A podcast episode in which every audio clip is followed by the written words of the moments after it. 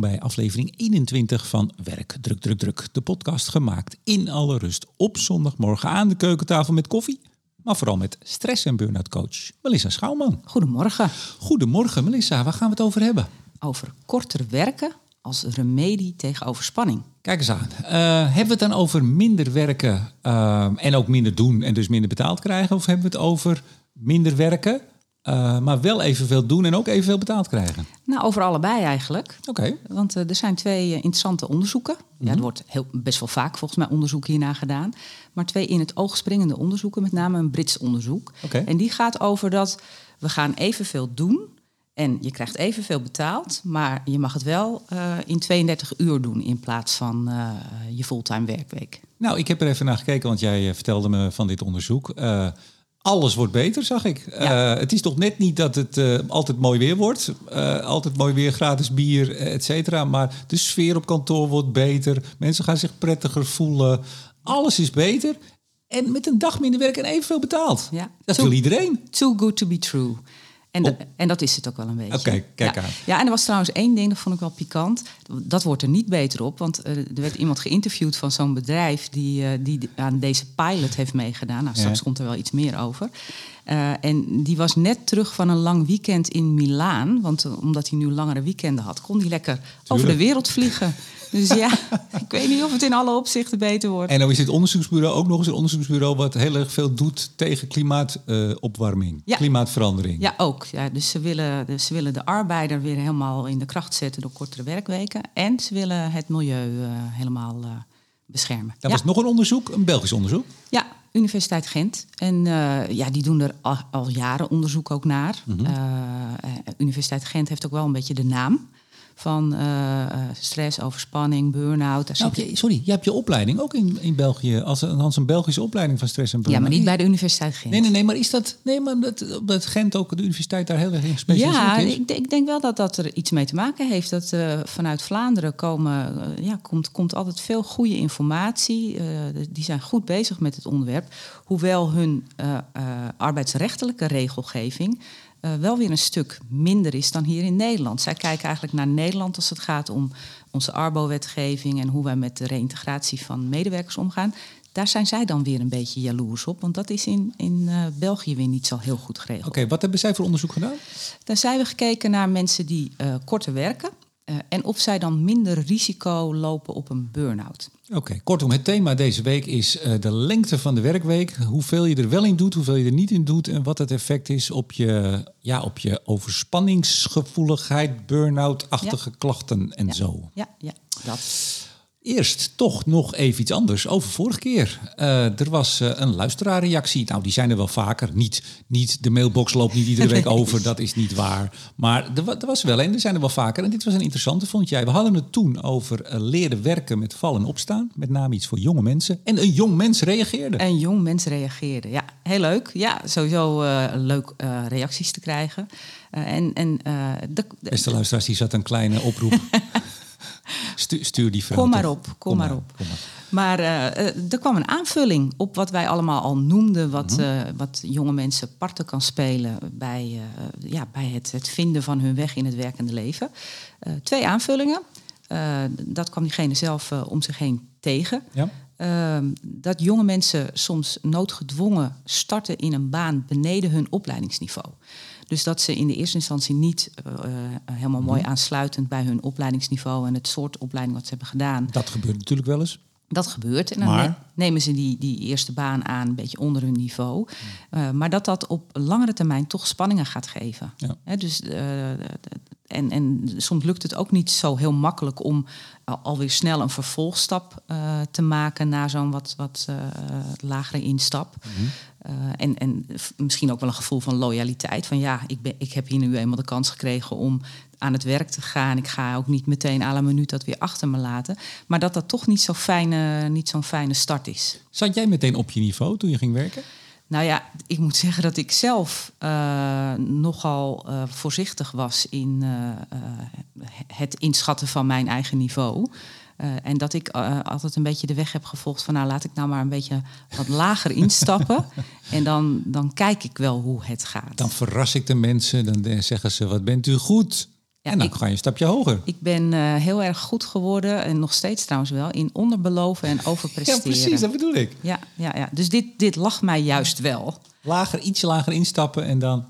Maar ik moet er wel bij zeggen dat ik dan toch de mazzel heb gehad. Dat ik niet in al mijn eh, banen, niet in alle omgevingen waar ik heb gewerkt.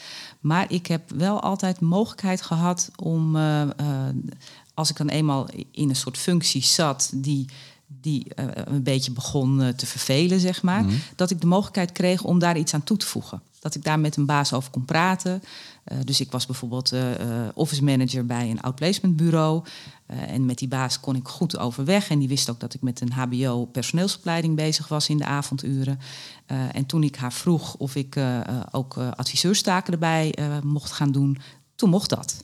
Ik, ik hoor hier toch een hele belangrijke keukentafeltip. Ja. Onderbeloven, overpresteren. ja, nee, die gebruik ik in coaching en in, mijn- in mijn consultancy echt heel vaak. Ja. Heel goed, heel goed. Punt 1 was dus van dit jong mens. Het werken onder je opleidingsniveau, dat kan spanningen geven. Er was nog een punt. Ja, ja ook eh, eentje waar we misschien als je wat langer in het werkende leven zit niet zo erg bij stilstaat. Maar de office politics. Dus wat gebeurt er allemaal in die wandelgangen? Wat gebeurt er tussen de medewerkers en de baas? En tussen de collega's en de baas? En tussen de collega's onderling? Een beetje het gedoe.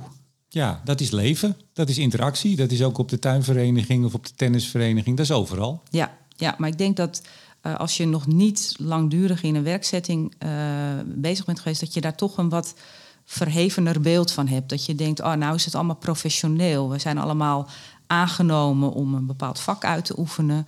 En daar zijn we allemaal heel professioneel in. Nou, dat gaan we doen. En, dat je ja, eigenlijk best een beetje kan schrikken van eh, toch een beetje. Het is gewoon aangekloot. Eh, ja, roddel en achterklap, eh, gedoe. eh, maar ook ongeschreven regels is ook wel zo'n ding. Dus dat, eh, dat het blijkbaar niet eh, van je verwacht wordt als jij nog een jong bent en je bent er nog maar net, dat je meteen in een werkoverleg flink eh, eh, het woord neemt en, en met een voorstel komt, bijvoorbeeld. Dat Ja. zou iets kunnen zijn wat een ongeschreven regel is. Dat is e- natuurlijk echt niet overal. Ehm, maar dat, dat jonge mensen daar echt aan moeten wennen en, en ook wel een beetje van schrikken. Nou, dank aan deze luisteraar voor deze Ja. waardevolle toevoeging. Ja. Eh, opmerkingen op deze uitzending kunnen zoals altijd naar, ik zeg het vast, info at Melissa Schouwman met OU zonder W, schouwman.nl, info at melissaschouwman.nl. Goed, naar het onderwerp vandaag. De lengte van je werkweek en de uren die je doet en wat je daarin doet en dat allemaal bij elkaar, wat heeft dat voor effect? Ja. Even heel kort, toch, het Britse onderzoek. Nou ja, het Britse onderzoek, het Britse activisme bijna, want het is een club. Eh, Autonomy, een linkse denktank wordt het genoemd. Ja. Maar ze hebben ook een consultancy om de vierdaagse werkweek, waarin je dus voor vijf dagen betaald krijgt, eh, aan de man te brengen. Ja. Dat adviseren ze ook, daar helpen ze bij. Eh, de, de, de club wordt ook gesteund door allerlei fondsen die eh, een zeer links tot vakbonds karakter hebben. Dus Ja. ter verheffing en ter verlenging van het weekend van de arbeider eh, is dit eh, bedacht. Ik, eh, ik neem nu even al het cynisme van mijn framet het rekening. een beetje. Nu kun jij even vertellen wat ze nou precies hebben onderzocht. Nou, wat, wat ik er aardig aan vind, is dat zij wel gewoon in de klei zijn gaan staan. Hè, dus met een aanloop van, ik geloof wel een jaar of vijf hoor. Dus het is niet zo dat dit ineens uit de, uit de lucht kwam vallen. Dus een vijf jaar lange voorbereiding. Eh, met, met eh, ik denk, essays die erover geschreven zijn. Ja, En- ik heb eh, onderzoeken gevonden en rapporten, et cetera. ja. Ja. Maar het heeft geleid tot een pilot waar 61 bedrijven aan mee hebben gedaan. Is afgelopen jaar, een half jaar lang, hebben die, die pilotorganisaties dus die kortere werkweek ingevoerd met doorbetaling 100 eh, en, eh, en ook gekeken naar de productiviteit. Bedrijven die zich hadden aangemeld, hè? Ja, ja, want dat is ook wel een van de kritiekpunten. Er hebben vooral bedrijven aan meegedaan die hier al eh, enorm open voor stonden. Die, die, die al wat wilden hiermee. Ja. En die zichzelf ook progressief zouden noemen. Ik denk ook niet dat het de grootste bedrijven zijn geweest die hebben meegedaan. Want het, er is, zijn allerlei interviews gehouden onder 2900 medewerkers. Dat is hè, voor 61 bedrijven vind ik dat dan weer niet zo'n heel erg groot, eh, groot aantal. Ja, ik heb Mhm. zelf bij de gemeente Amsterdam gewerkt. Daar werken er al 20.000, weet je. Dat is dan nog maar één Ja. organisatie. Maar goed, het zijn weer allemaal, allemaal afdelingen en, en onderdelen. Hè? Dus dat zijn weer Ja, eigenlijk ja. bedrijfjes binnen het bedrijf. Nee, maar data uh, verzamelen uh, onder 2900 medewerkers, dat is dan weer niet zo groot. En die data is wel heel belangrijk in de wat juichende uitkomsten van dit onderzoek. Ja, en die zijn alles wordt beter. Ja, alles wordt beter. Dus minder stress, uh, lagere levels van burn-out. Dat vind ik een hele twijfelachtige er wordt ook niet uitgelegd van wat betekent dat dan. Ja, er wordt wel uitgesplitst dat mensen zich minder vermoeid voelen, dat mhm. ze minder uh, mentale en uh, fysieke klachten hebben, maar ook niet precies waar hebben ze dan minder last van. Uh, dus ik, ik, ik, de, de verdiepingsslag in, in het onderzoek vind ik wat, wat mager. Het is vrij pragmatisch, laat ik het zo zeggen. Het gaat erg uit van beelden, van zelfrapportage, dus interviews voorafgaand aan, aan de pilot tussentijds eh, de pilot en aan het einde. En hoe lang duurde die pilot? Of heb je het al Half jaar. Half, jaar. Ja, want dat is ook wel lastig. Hè? Dat is hetzelfde een beetje wat we gezien hebben met corona, met uh, niet meer op kantoor werken, thuiswerken. Nou, dat was ook helemaal juichend. Hè? Ik heb daar stuk in kranten van zien staan, bedrijven die zeiden, nou, we gaan ook ons gewoon ons kantoor opzeggen. Wij, willen, wij hoeven geen plek meer om samen te komen. Iedereen kan op zijn eigen plek. En dat was de eerste maanden en ik geloof het eerste half jaar was het ook juichend. Nou, we weten inmiddels dat er en dat kon je natuurlijk op je vingers natellen. Dat aan alles zitten ook schaduwkanten. Eh, ook aan die vierdaagse werkweek, ook aan thuiswerken. En die, die worden in zo'n korte tijd dat het onderbelicht. En die komen pas met de tijd. Ja. ja, want ik weet niet, heb jij wel eens gehoord van het Hawthorne-effect? nee. Nou, dat is heel interessant. Dat is al, al decennia geleden is er uh, onderzoek geweest in, fabriek, in een fabriek. Waar ze gingen kijken hoe de arbeidsomstandigheden, de letterlijke arbeidsomstandigheden, dus de verlichting en de nou, een beetje de ergonomische kant, zeg maar, hoe dat in die fabriek verbeterd kon worden. Dan hadden ze dus een, een testsetting waar ze verbeteringen aanbrachten en een testsetting waar dat niet gebeurde. En bijzonder genoeg uh, rapporteerden allebei de testgroepen positieve, uh, positieve uitkomsten. Ja. ja, wat is dan de verklaring? Het feit dat er zoveel aandacht gewoon überhaupt aan uh, dat werken in die fabriek werd besteed, dat was de positieve effectgever. En niet dat uh, rommelen aan de verlichting. Ja, dus ook de, de setting waar gerommeld werd, maar er veranderde niks, die rapporteerde ook verbetering. Ja, ja, dus op het moment dat je met de, met de loop bovenop iets gaat zitten, je gaat heel veel aandacht geven aan, we gaan nu met z'n allen minder werken, maar we gaan onze productiviteit hoog houden en daar gaan we met z'n allen ook alles aan doen dat geeft een soort positieve schwung. En ook de beloning is natuurlijk best wel aardig, hè? namelijk minder werkuren, ja, minder dag werkuren. Gratis. Uh, precies.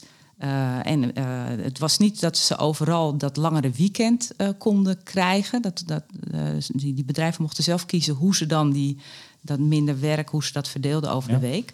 Maar met name de organisaties waar het langere weekend werd ingevoerd, ja, die waren juichend.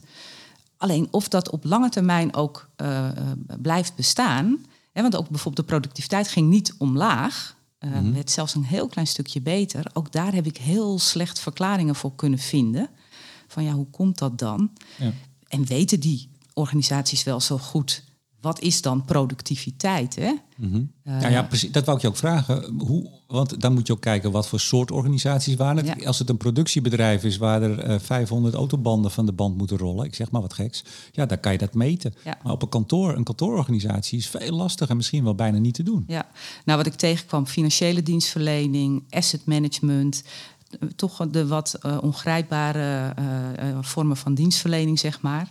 Uh, waarvan ik me afvraag of dan zo heel precies op een rijtje staat, wat is dan de output precies? Ja, ja, en, ja, en de vraag is natuurlijk, nou ja, gaan ze dit de komende jaren volgen? Het lijkt er wel op, hè, want dit is al jaren geleden in de grondverf gezet met rapporten. Maar wat ik dan vervelender vind, maar dat is even een kleine side note. Uh, omdat zij echt gewoon vinden dat dit moet. En er een consultancy voor is opgericht om dit aan de man te brengen. Als ze nou resultaten vinden die uh, negatief zijn, doeken ze de boel dan op. Zeggen ze dan, oei, het werkt toch niet. Het is geen goed idee, we stoppen ermee. Dat, de, de, de, de toon die ze in alles hebben zitten en het activistische wat er is, dat is dan zo jammer. Want het is natuurlijk wel heel interessant dit. Ja, ja want dat vind ik, dat vind ik echt wel een, uh, iets wat, wat, uh, wat uh, niet onderbelicht moet zijn.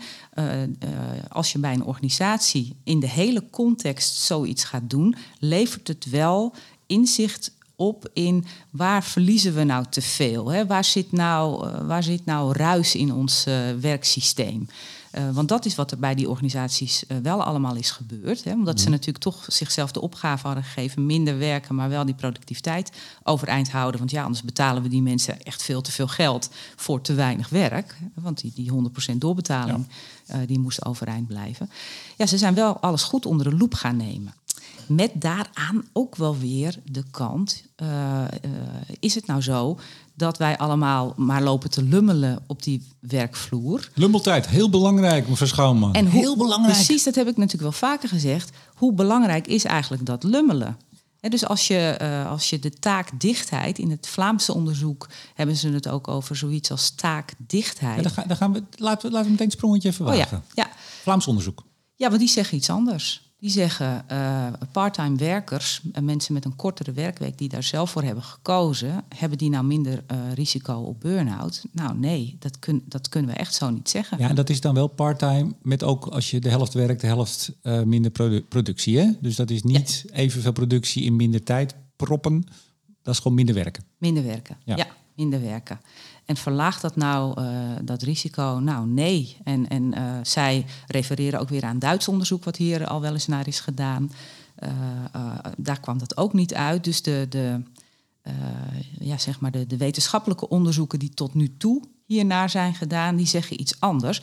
Alleen die missen wel die component dat het in een totale context is uh, toegepast. Wat, hè. Dus, wat bedoel je? Uh, nou, dit gaat dan over losse parttimers. Parttimers die uh, in het onderwijs en in allerlei verschillende soorten werkomgevingen werken, mm -hmm. maar die tussen collega's aan het werk zijn die wel fulltime werken. Dus dan heb je niet zo'n hele organisatiesetting waarin, waarin met z'n allen iedereen zijn best doet om dat kortere werken. En ook niet het Hawthorne-effect dus. Ook dat niet. Nee, ook dat niet. Hmm. Maar dat lummel even, hè? want eigenlijk is de vraag natuurlijk, ja, vroeger werkten we uh, zes dagen in de week. Er zal ooit ongetwijfeld ooit zeven dagen gewerkt zijn uh, in vroeger tijden. Maar hè, werkweken waren veel langer, werkdagen waren veel langer kinderarbeid. Nou, dat is nog op heel veel plekken in de wereld, helaas. Maar het is natuurlijk best wel lastig in het, toch het moderne, over het algemeen het kantoorleven. Hè. Daar, dat is ook waar jij je cliëntelen hebt. Uh, nog, vooral bij gemeenten, maar vooral toch mensen die op kantoor zitten. Ja. ja, op een gegeven moment heb je een afspraak, het zijn vijf dagen in de week. En dat is dan nou meestal 38 uur of, of 36 uur. Ja. En dat is op een gegeven moment toch een soort standaard geworden van nou, dat is dan de werkweek. Maar ja, dat is ook wel zomaar een afspraak die vroeger dus heel anders lag. Ja, ja, het is sowieso een beetje bijzonder, hè, dat inzoomen op die uren. Uh, en, en dat zeggen we natuurlijk ook wel eens over uh, leiding geven. Wat is nou ingewikkeld aan leiding geven? Uh, en, en zeker ook leiding geven op afstand. Dat is tijdens de coronatijd natuurlijk ook wel naar voren gekomen. ja, heb je nou als, als manager de taak om in de gaten te houden of je mensen hun uren maken?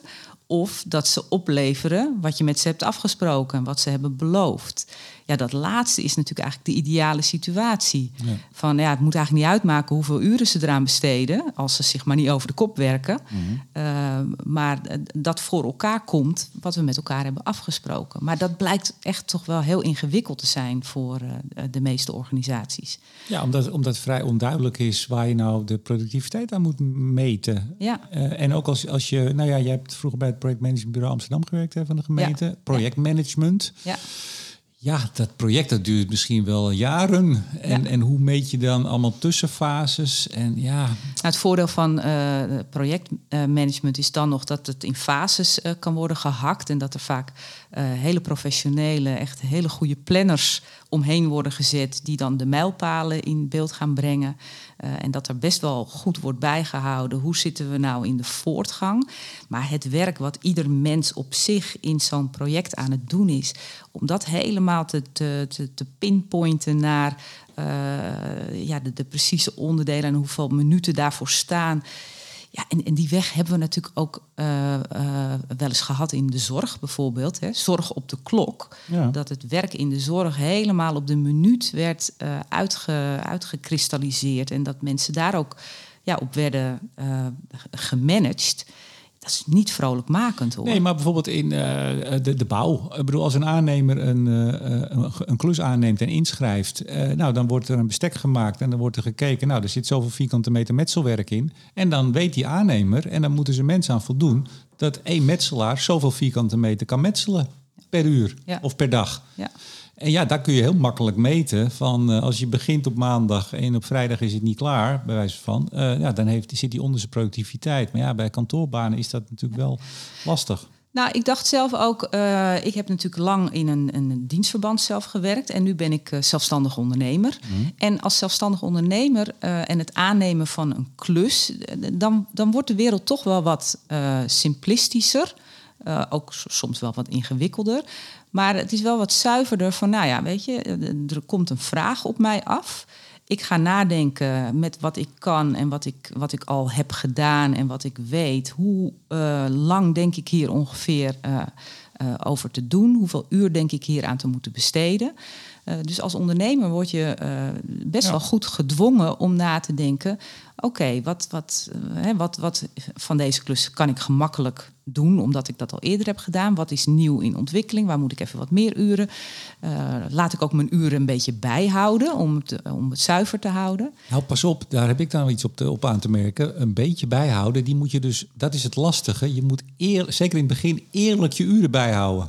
Want op een gegeven moment als je merkt dat je veel te laag hebt ingeschreven, dat het veel meer tijd kost. En bestaat een neiging, Ja. ik spreek een beetje uit eigen ervaring, om te denken, ja, is leergeld, laat, laat maar zitten. Nee, Ja. je moet echt, echt bijhouden hoeveel uren. En dan kan je leren voor je volgende offerte. Ja.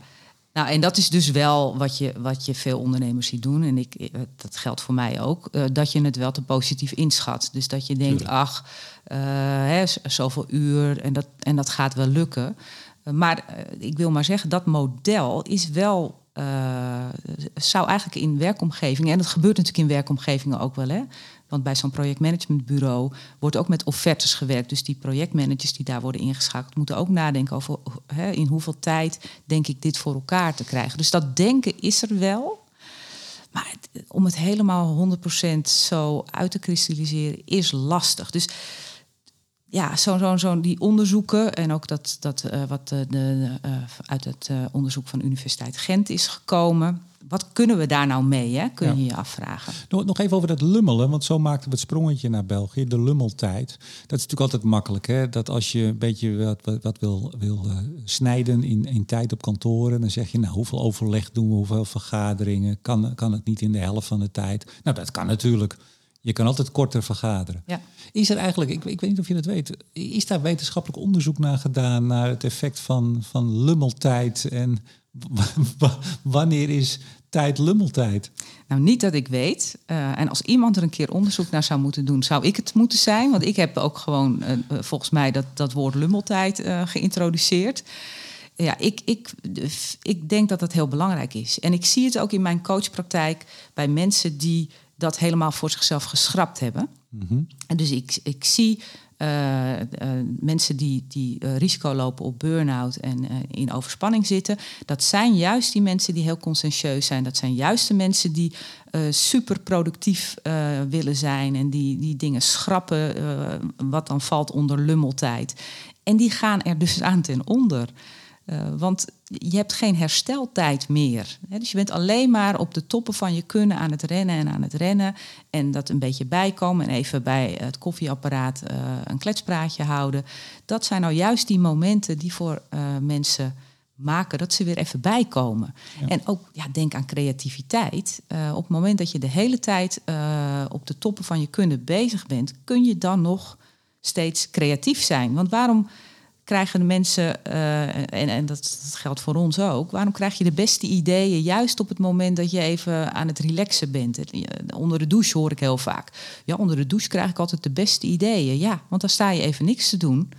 Eh, Ja. dus de, de, effecten van eh, juist dat, dat, die wisseling tussen pro- productie draaien en daar weer van bijkomen, da- daar zit toch veel eh, van het geheim, zeg maar. Er is een bekende nou ja, anekdote, eh, eh, jaren 50 of zo op een reclamebureau, dat een klant kwam en allemaal copywriters en mensen creatief, die zaten een beetje uit het raam te staren, een beetje met elastiekje te spelen, koffie te drinken.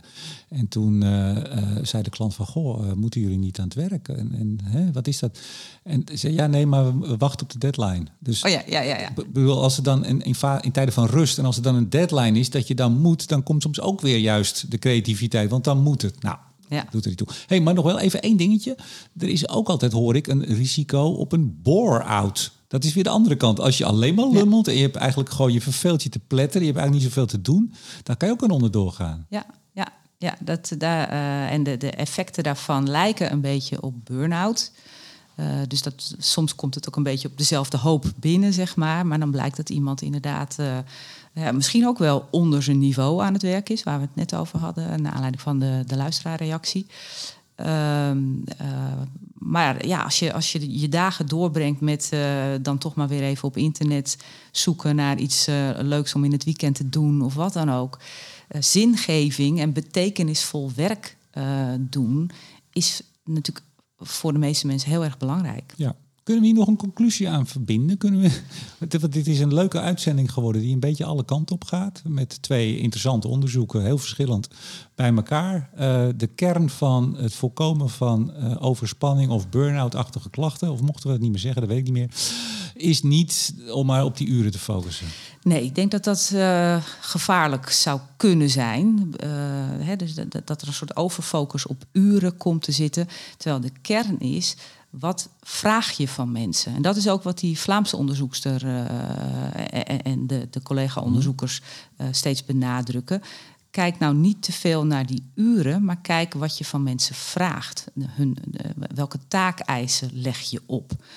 en ik zou daar ook aan willen toevoegen. En kijk ook hoe mensen daarmee omgaan met die vraag die aan ze gesteld wordt. Want ik, ik ben natuurlijk heel vaak mensen uh, aan het begeleiden bij... hey, dit kan wel van je gevraagd worden, maar als jij dit echt niet redt... dan, dan is het ook aan jou om daar je grenzen in te stellen. Want ja, vragen staat vrij. Hè. Er, er, kan altijd van alles aan je gevraagd worden. Zeker die hele conscientieuze, goed bekendstaande medewerker... Ja, die krijgt van alles uh, naar zich toe geworpen. Van, oh, maar jij bent zo goed daarin en kan je dat ook niet even doen. Dus het, het omgaan met die taakeisen, dat is eigenlijk een veel belangrijker uh, element. Ja, nou ik las al wat uh, reactie, want nogmaals, vooral het Britse onderzoek was erg in het nieuws. Uh, ik las al Beyond the Hype, dus dit is alweer een hype. Ja. Zullen we de luisteraars meegeven? Pas een beetje op met deze hype. Ga er niet meteen achteraan lopen. Ja, ja, en grappig ook wel, in Nederland uh, uh, valt die hyperigheid dan ook wel weer mee. Want de reacties, nou bijvoorbeeld van Lilian Marijnissen van de SP, was ja, maar in Nederland zijn we toch al heel erg van het parttime werken. En de, is dit wel eigenlijk een discussie voor ons hier? Dus dat vond ik dan wel weer grappig om te merken dat in Nederland dit niet, niet zo, zo, zo ontzettend rondgaat van oh, dit moeten wij ook. Nog niet. Nee, nee het zou kunnen komen. Ja.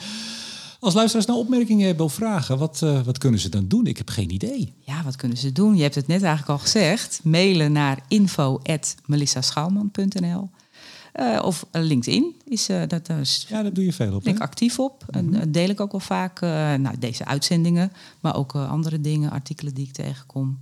Dus ja. Heel goed. Tot zover. Aflevering 21 van Werk, Druk, Druk, Druk. Graag tot de volgende keer. Tot volgende keer. Ik heb ontzettend zin in een bakje koffie. Oh ja, ja misschien beter een bakje kruidenthee. Is beter voor de, voor de spanning.